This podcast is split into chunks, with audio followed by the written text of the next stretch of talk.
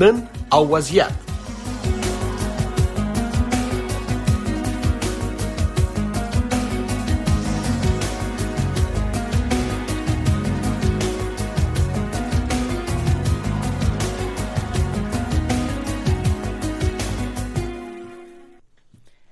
د امریکا جغ د نن او وضعیت د خبرونه ډیرو قدر منوریدونکو السلام علیکم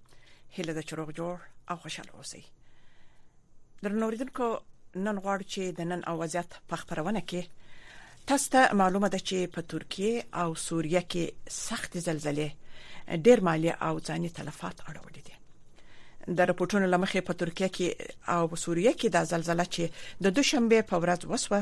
د قربانیانو شمیر نور هم زیات شوی دی د ای پی خبري اژانس نن د چهار شنبه په ورځ یعنی د فبروري په اتمه د یادو هیوادونو د چارواکو له قوله ویلي دي چې د دغه کسانو د جملې څخه 2108 په ترکیه کې او 2510 نور په سوریه کې مړ شوي دي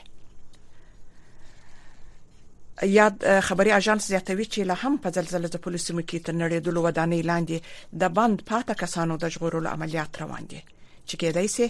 د قربانیانو شمیر نور هم زیات شي نو موږ په دې باره کې په ترکیه کې مهاجر افغان البته ځوان افغان چې مهاجر دی البته وحید امینی صاحب دی موږ د یو خبرونه ته میلمه کړی دی او د خبرونه ته باراسه پر دې موضوعاتو او او دارنګ د افغانانو ځوانانو مهاجرو او هغه افغانان چې په ترکیه کې اوسېږي د دوی پرستون زبه هم رونه واچوي خو لمړی به محترم وحید امینی صاحب ته سلام وایم تاسو ډیر شرغلاست علیکم سلام زما غږ سم دی شفیق بیخه आवाज مو ډیر سم دی مهرباني وکړئ په تاسو شرغلاست علیکم سلام بسم الله الرحمن الرحیم په لومړی کې خو اجازه راکړئ چې د ترکیه ملت او د سوریه ملت زلزلہ زپلو ته او دغه لوی غمیزي ته خپل د غمرازي او د غم شریکي پیغام وړاندې کوم د ترکیه او سوریه ملت سره خپل د غم شریکۍ پیغام شریکوم او په دې لوی غم او درد کې ور سره خپل ځان شریک بولم ډیره مننه کورماده محترم وحید امینی صاحب تاسو ته معلومه ده چې ډېر زیات تلفات سخت زلزلې له امله په ترکیه کې او سوریه کې مېز ترغله او واقعا ډېر دردونکې حادثه او پیښه و نو تاسو خو په خپل په ترکیه کې اوسېږي ک د دې حالات په اړه کې لږ معلومات نور راکې چې نیوي پیښوي حالات څه دي او د خلکو ژوند حالات څنګه دي مهرباني وکړئ ډیر مننه شافیا خوري نوې معلومات خو لکه څنګه چې نور رسنۍ موي خدل ته موږ په خپل سترګو ولیدل، دلته موږ په خپلو سترګو هغه کوم حالات چې ګورو ډیر دردونکی دی او ډیر یو داسې یو فاجعه رامنځته شوې ده ډیر خارونه تقریبا لس خارونه په مکمل ډول خو نشم ویلای خو تقریبا اویا او 50 فیصد لمنځه تللی دي هغه کم غټ غټ اپارتمانونه چې هغه ټول راغورځېدلي دي په بشپړ ډول دلته دغه شمیرې کې زه تاسو ته ویم دا خو بدلیږي را بدلیږي خو دا مهمه شمیره چې د اپارتمانونو در نړیدو ده چې ورورو نورم د سر زیاتیږي تقریبا شپږ زر شپږ نیم زر ته دغه اپارتمانونه رسیدلي دي چې دا په بشپړ ډول را غورځیدلي دي او همدغه سي د مړو شوو شمیر چې په ترکیه کې کم وروستي جزئیات دي د وزرو د وزرو نه ډیر دي یعنی او همداسې په سوریه کې د درې زرو نه ډیر شوی دي همداسې د غایبو چې کم غایب شوی دي یعنی تر اوسه د خاور لاندې دي د 2000 2000 په شاوخوا کې دغه اټکل شوی دي خو معلومات نشته امکان د دې ولري چې زیاتی په همدې شکل سره ووایم چې دلته په دغه کومو ولایتونو کې چې زلزلہ رامنځته شوې ده دلته ډیری افغانانو هم ژوند کاوه او تقریبا ویل کیږي چې موږ ته چې څومره راپور او دغه رسنۍ تعقیبو تقریبا د 2.5 یا د 300 په شاوخوا کې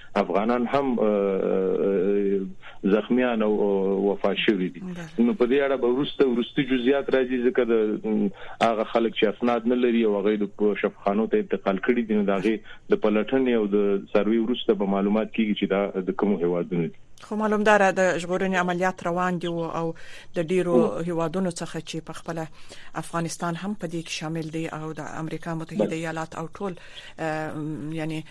ټول هیوادونه ټول دنیا په دې تلاش کې ده چې څه ډول دا خلک وژغورل شي او څه ډول د دوی سره مرسته وشي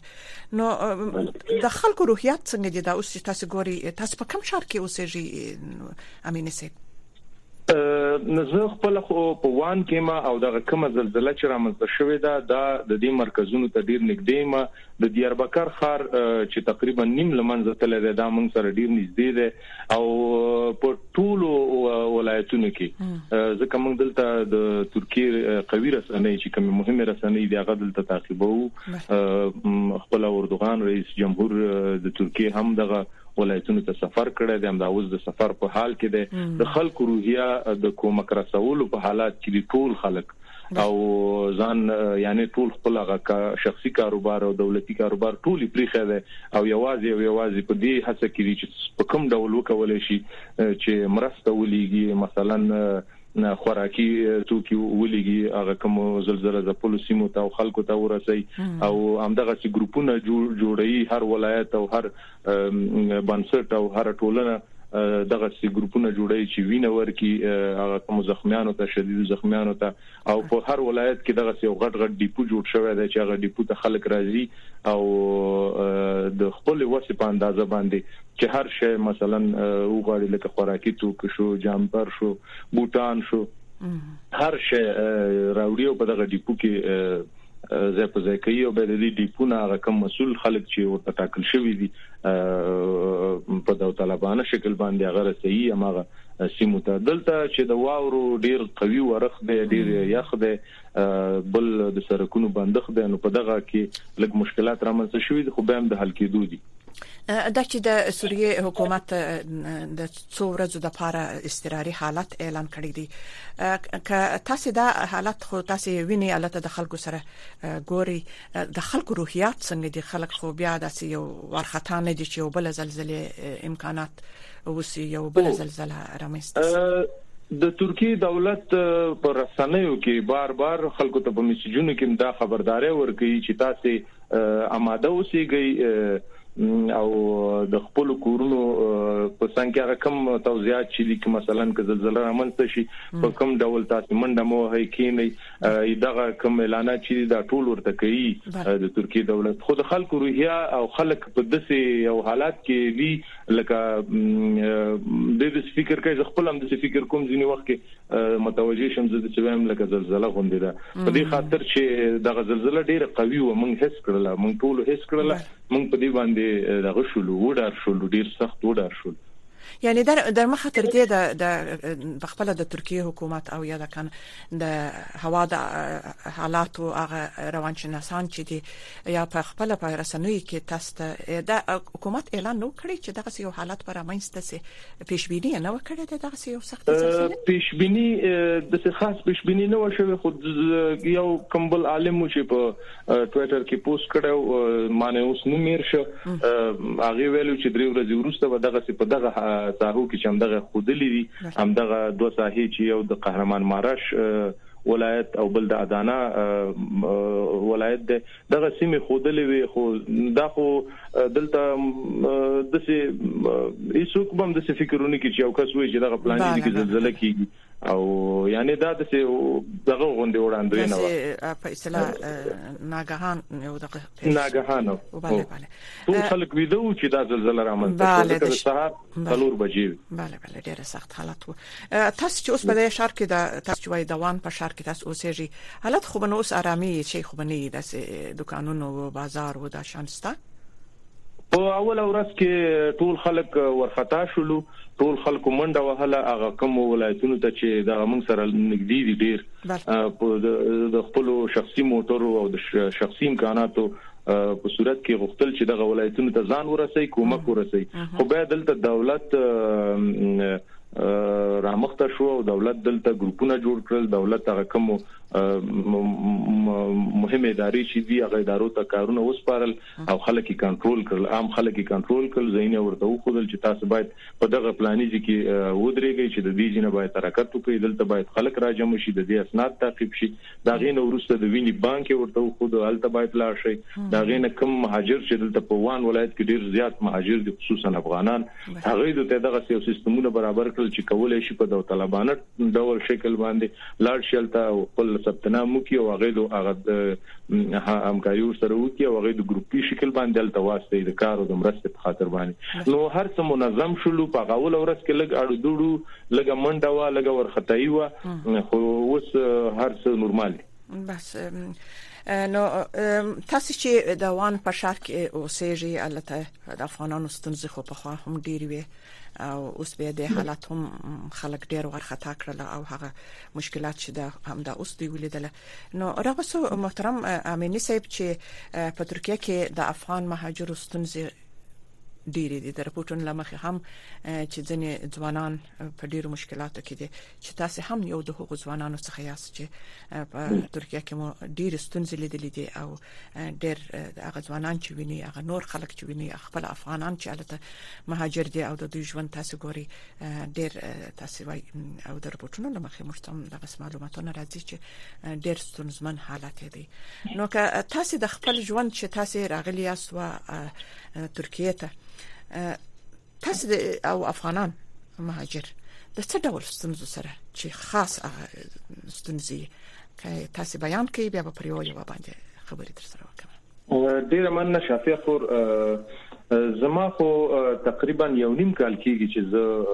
د کله چې د جمهوریت سقوط شو په هغه ورځو کې زه په قاچاقي ډول یعنی په غیر قانوني ډول لکه څنګه چې د غنور مهاجر ځوانان را روان شول هم دغه سره روان شول زما نور کوم بل سیاسي مشکل نه کوم بل غټ مشکل مې نه نه مې کوم امنیتي مشکل وو خو امنیتي مشکلات هم شته دي په افغانستان کې سیاسي مشکلات هم شته ټولنیز او فرهنګي مشکلات دینی مشکلات هم شته دلته زه چې څومره خبرم خو زما مشکل د فکری مشکل او زه خپل یو اجتماعي فعال ما زه خپل یو ټولنیز فعال ما په بیلابلو رسنیو کې مې الته کار کوو رسمي دنده مې نه لرله خو همدغه سي د یو سیاسي فعال په اساس مې غږ پورته کوو، د خپلو افغانانو ځوانانو، د خپلو خویندو، د خپلو وطنوالو هغه کوم په دولت او په حکومت باندې مې نیوکې کولې او خپل نظر مې څرګنداوه نو ماته په دې باندې معلومات وشو چې دلته نور زمونږ هغه کوم افکار چې دي کوم هغه چې چې مونږ غواړو ځوانان ځکه په دې شل کلن جمهوریت کې چې مونږ راغټ شولو ښوونځي ته لاړلو همدغه سي پانتون ته لاړلو همدغه سي ورزش مو کو نو دغه کم شل کلن مزل چې من کړو نو دا ختمېدو او دا د منځ تلو او د جنو همدغه سي تلم د بزرګونه ځوانان نو را روان شلم او راغلم تقریبا په ایران کې یو څو وختونه د ایران سخت لارې او سخت تکلیفونه او سخت ظلمونه وګالل به چې کله منګه سرحد تر ورسېدلو د ترکیه سرحد ته قاچاقبرانو موږ سره ډیر ظلم وکړ موږ ته وعده راکول چې بس دغه لار ده هم دغه سلاړ شي او خواته به درته زمونږ کسانو لاړي خو نه داسې نه و موږ ډیر مزل وکړ پیدا بیا چې کله موږ د ترکیې سرحد ته کم نه سفري نقطې ته راورسېدل هلته ډېر غټه غټه کندې وي چې سیمه خاردار پکې پروت ځینې ځوانان پکې ونه خطل ځینې ځوانان ونیول شو ځینې ځوانان خوک شول زخمیان شول خو خوشبختانه به ویم او که څه ډول ویم زه راوختلم او غږ ټارګټ شوی زی ته مې ځان ورسو راغلم د وان خار ته د وان خار ته راوستل مونږ زه خپل خنوم بلد خورای وستل مونږ دلته په یو خابګا چې ورته وای چې هغه دغه مهاجران پکې ساتل کیږي ډیر یو خراب زیب ورته ویم ډیر یو چټل زیب ورته ویم تپه تیاره ځای به ورته ویم چې هلته موږ څو ورځې ساتل کېدلو چې د هغې نه وروسته به موږ بیا روانه روانولو په قاچاقي لارو په سختو لارو استانبول ته زموږ ټارګټ استانبول نو په همدغه شپو ورځو کې چې ما څو ورځې تېرې کړې دي دلته ما باندې په بدن مې د خاره خارخ ولګېده ځکه دغه ځای ډېر یو وحشتناک ځای و تقریبا یو ټوټه کور درې څلور سوه بله بله مهرباني نو تاسو صحیح خبرې کوي بس چې لږ اعلانات کې دا دغه چې هغه اصلي مشکلات افغانانو نو دغه لارې دغه ډیر سخت لارې دي د ډیر سخت زینه دي دغه د قاچاقبرانو دغه د انسان د قاچاق ډیر یو مشکل کار دی چې دا ارسړې نشي کولای نو ټول افغانان ور سره ډیر لاسو ګریوان دي او مشکلاتو سره مخ دي بیا زه دلته وان ښار ته راغلم او دلته د پولیسو چاپه وهله موږ د دې ښار نه وتلو په ښار کې تقریبا 15 ورځې زه ګرځېدلم به برخلیکه بیا چې د مهاجرینو ریاست ته د دې دلاړم پیدا مې کو په ډیر مشکل سره هلته ما ته ویل شو چې تاسو ځوانانو ته موږ بيخي اسناد او هیڅ شم نه درکو تاسو کولای شئ چې مخکې لاړ شئ ځان وباسي په هر طریقه چې کیږي خو خیر یعنی یعنی بیرته وطن ته ولاړ شئ یا کومه کومه یعنی دوی درته ویل چې بیرته وطن ته ولاړ شئ د مهاجرینو د ریاست خلکو چې معلومات او اول خو موږ سره به خبره نه کولې ما سره خصوصا زه چې خپل لیدل حال ویم به ورسره راځم چې عمومیات ته دغه زما خپل ژوند یعنی چې زما په ما باندې تیر شوی دی یعنی بیا مهرباني نو بیا تقریبا زه چې پوه شولم چې دلته څه نه کیږي نو ما سره خو نه پیسې وي نه موبایل به زه دلته یو دکان مې پیدا کو په دکان کې مې کار کوو یو ایرانی سره او غیرانی سره مې یو څو وخت ورسته چې حالات باندې پوه شولم او ژبه مې زده کړل نو به یو څه اندازه راته سہولت پیدا شو خو اوس هم حالات زما خنه ده دلته پردي دوکان کې کار کوم یعنی اوس دې هم اسناد نه دي اخیستي تاسو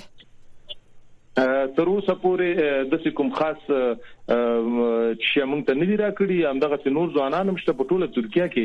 ځکه ځوانان چې تاسو کولای دغه ځوانان چې تاسو پر ډول دي یا تاسو پر کوم ژوند کې چې اسناد ونه لري کار په کوم اساس باندې کوي چې په دا هغه راځم دې مسلې ته زه تقریبا 15 میاشتې په یو دکان کې ما کار کوو صرف دغه سړی ماته ویل چې زبا تا ته مثلا زه در کوم دلته به اوسې کې د شپې او دلته ما سره کار کې او پیسې برانه نه غواړي بيا پنځه مياشتې بعد ما بل سړي سره کار شروع کړ ډېر شاقه کار او ډېر سخت کار مې ورسره شروع کړ نو پنځه مياشتې ما دې سړي سره کار وکړ صرف هغه دوه وخت ډوډۍ او د زید خوب راکوه نو به چې ما کله کنه پیسې وغوښتلې ما ته ویل چې که غواړي چې پیسې غواړي چې زه پولیس ته ویم چې تا ډیپورت کی نو به مجبورم چې عمل ته پاتې شم نو یعنی مشکلات ډیر زیات دي زما شخصي دا خبرې وي او اوس راځم عمومیت ته په عموم کې کوم ځوانان چې په ترکیه کې ژوند کوي د څه ژوند کوي لکه په زندان کې چې دي او هغه زندان هم د څه زنداني چې لکه ډیر سخت دریځ زنداني ځکه هم فکري ډول باندې ځورول کیږي هم جسماني ډول باندې ځورول کیږي تقریبا زیاتره خلکو ته معاش نه ورکي معاش ته نه اشاره لکه ما غوندي ورته وي چې کار کې هغه د وکړه کار کني کې پولیس ته دی حواله کوم چې تا ډیپورت یعنی دا سه خلک ډیپورټ سوي هم دي چې د د ترکیه د حکومت ته خاصه چې دوی بیرته استول سوي دي او افغانستان ته یا خپل ځای ته او دا شافه خور کله چې دغه مرز نه به را شروع کوم کله چې افغانان په مرز کې ونیول شي د ترکی پولیسو د خوانه هغه د کالی او لباس استل کیږي او هغه ډیر ځورول کیږي لباسونو ته بیک ته هم موبایل او هر څه چې ورسره یې هغه ته ورته ور چول کیږي دا زما د سترګو لیدل حال دی او بیرته پاغه واوري مثلا که یخی ارچي د غالکان یا ډله دا بیرته خوشی کیږي د ایران سرحد ته او د ایران په لار کې د ایران په خاوره کې خوشی کیږي او هلته د غلو سره مخامخ کیږي هلته د زناورو سره مخامخ کیږي هلته د یخ د ډیر قوي شدید یخ سره مخامخ کیږي او خپل ژوند د لاسه ورکوي چې موږ په خپل ولیدل نو دا غي نو ورسته چې کله کم افغانان بیرته راوړي دی خواته ترکیه ته دلته ک مثلا بچو او راوختل دلته ک به ډزه ور باندې کوي کګیر شي نو ډزې ورباندې کوي او زخمي کیږي غر نه راغورځيږي به چې کله شفاخانو ته ویول شي علاج کیږي خو د دې په ځای چې د تاسناد ورکی دا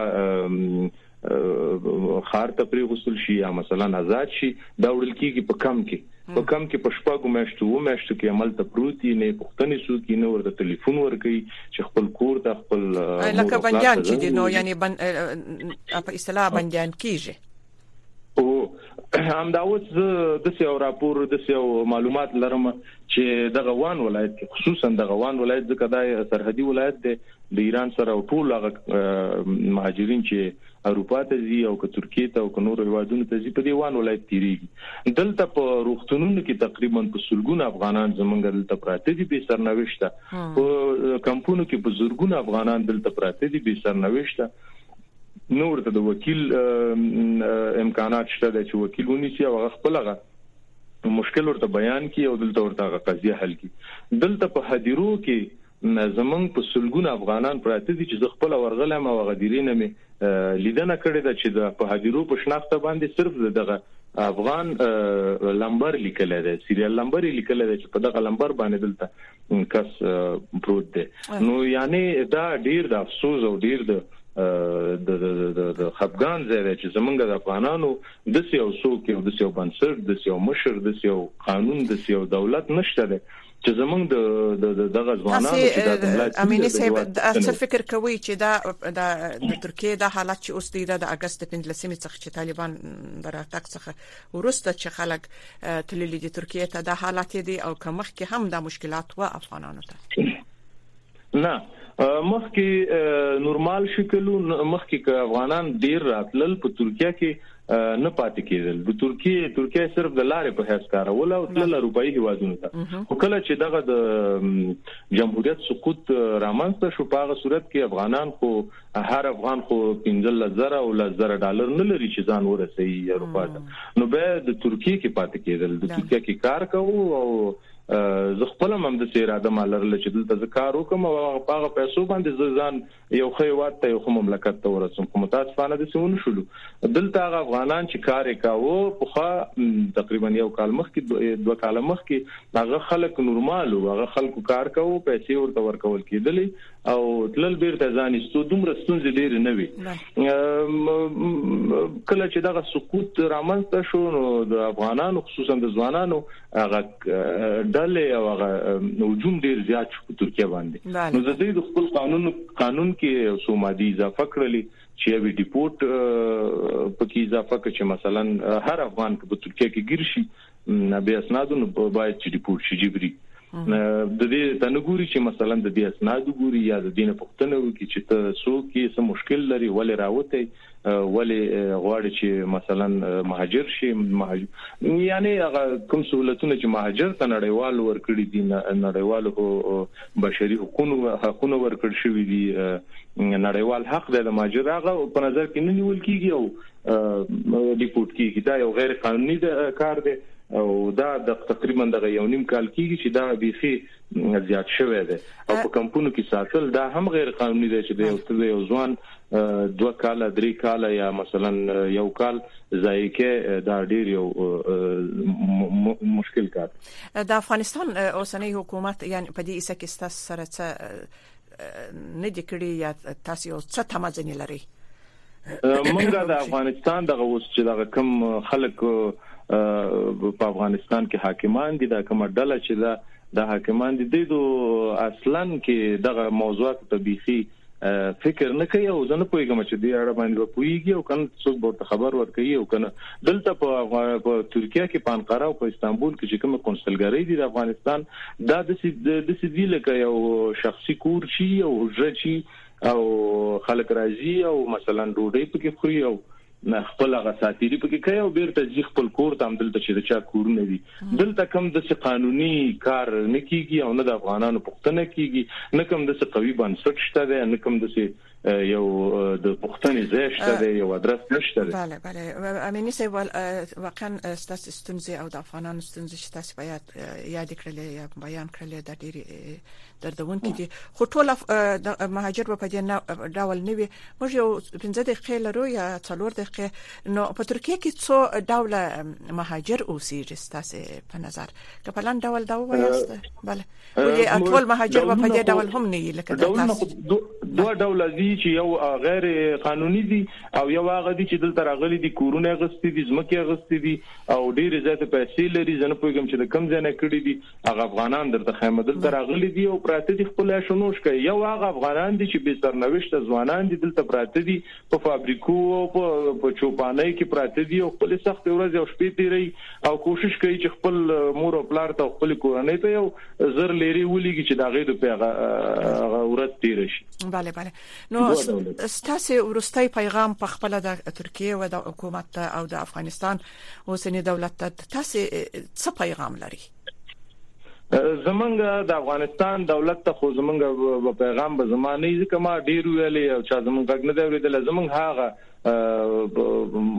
داخلي موسسه هغه سازمان ملل هغه یونیسیار ته پیغام دا دی چې زمونږ د افغانانو په تاسو یو چې په افغانستان کې مونږ دفتر نه لرو یا موږ ځای نه لرو خو هغه کم افغانان چې په دغه سي پر بهر په ایران په پاکستان او په ترکیه کې ژوند کوي دغه خصوصا ځوانان دا څه دغه ته لاسرسي پیدا کوي دغه دغه راټول کوي دغه پښتنه وکي ځکه دا هم افغانان دي دا خو د بل ځای نه دي د دې دونه غوښتنه کوو چې موږ ته هغه کم حقوق چې دي د مهاجرت هغه موږ ته راکړل شي زموږ پښتنه وکړل شي موږ ته زموږ خو تاسو موږ ته اسناد راکولای شی ځکه دلته ورته هغه قانون جوړ دی هغه کوم هلکان چی مثلا په تیر جمهوریت کی کار کړی دندی لرلی دی مثلا په فوځ کی په دولت کی هغه خلکو ته باید حد اقل حد اقل هغه د ماجر کار خو ورکړ شی چی دا په ازادانه ډول دلته کار وکړي او دلته یو څو ورځې چې تیرهیي ژوند وکړي او د ترکیې دولت څخه اوس خو په دې غم کې په دې غمیزه کې ورسره شریک یو ورسره منډه وو خپل عینه مرتهدیه کو کومک مر سره کو مرسته مر سره کو خو راځو خپل مسلې ته زمنګ مسله مهمه ده زمنګ د افغانانو ځوانانو مسلې ته باید توجه وکړي دغه په کمپونو کې چې کوم لکان دي د دې برخلیک باید معلوم شي دغه کوم لکان چې په ترکیه کې ژوند کوي او غواړي چې همدلته پاتې شي د یو څو وخت لپاره موقت وخت لپاره ترغه چې هغه اقتصادي وضعیت یې ښه شي او سیاسي هغه کومه پناه چې په نورو ملکونو کې غواړي چې خپل کارونه مخ ته ویسي چې په آزادانه ډول په خار کې وګرځي او خپل کارونه مخ ته ویسي نو په غوښتنه هم د ترکیه دولت نه دا ده چې دغه خپل قانون کې زنه پویګم چې قانون کې به تغیرات راوستل شي کني شي راوستل خو دغه کوم ډیپورټ چې دی دغه جبري دغه بند کی او دغه زمونږ د افغانانو ځوانانو پښتنه وکي که خو مشکلات به ډیری مفرهنګي مشکلات به ډیری دلته به ځینې افغانان زمونږ نه پويږي پويږي باندې یو جرم به کوي ځکه جرم فردي دی یو مشکل به رامنځته کوي دا غي خو دلته دولت دی دلته پولیس دی دلته امنیت دی دا غي مخه نیول کیږي خو دا غي زور باید دا غ نور افغانانو نه چې د خپل کورنۍ ته د حلال رزق په خاطر راوتلي دي د ډیرو ستونزو او مشکلاتو په اساس راوتلي دي نو هغه ته باید توجه وشي او د مهاجرت حق ورکړ شي بله ستاسو یو کور ودان ډیره مننه محترم وحید امینی صاحب چې تاسو افغان مهاجر یاست او په ترکیه کې اوسېږئ تاسو د ټولو افغانانو حالات ویل د اوسنۍ حالات چې د ترکیه کې هغه زلزلہ ده د سخت زلزلې له امله چې هغه تلفات و دا په اړه کې معلومات راکړه تاسو یو کور ودان درنو اوریدونکو ته باید وایو چې دا خبرونه په همدې ځای پای ته ورسېدله تر بلې خبرونه تاسو ټوله پر خدای سپارو ډیره مننه ستاسو څخه کور مودان شکر سلامات اوسئ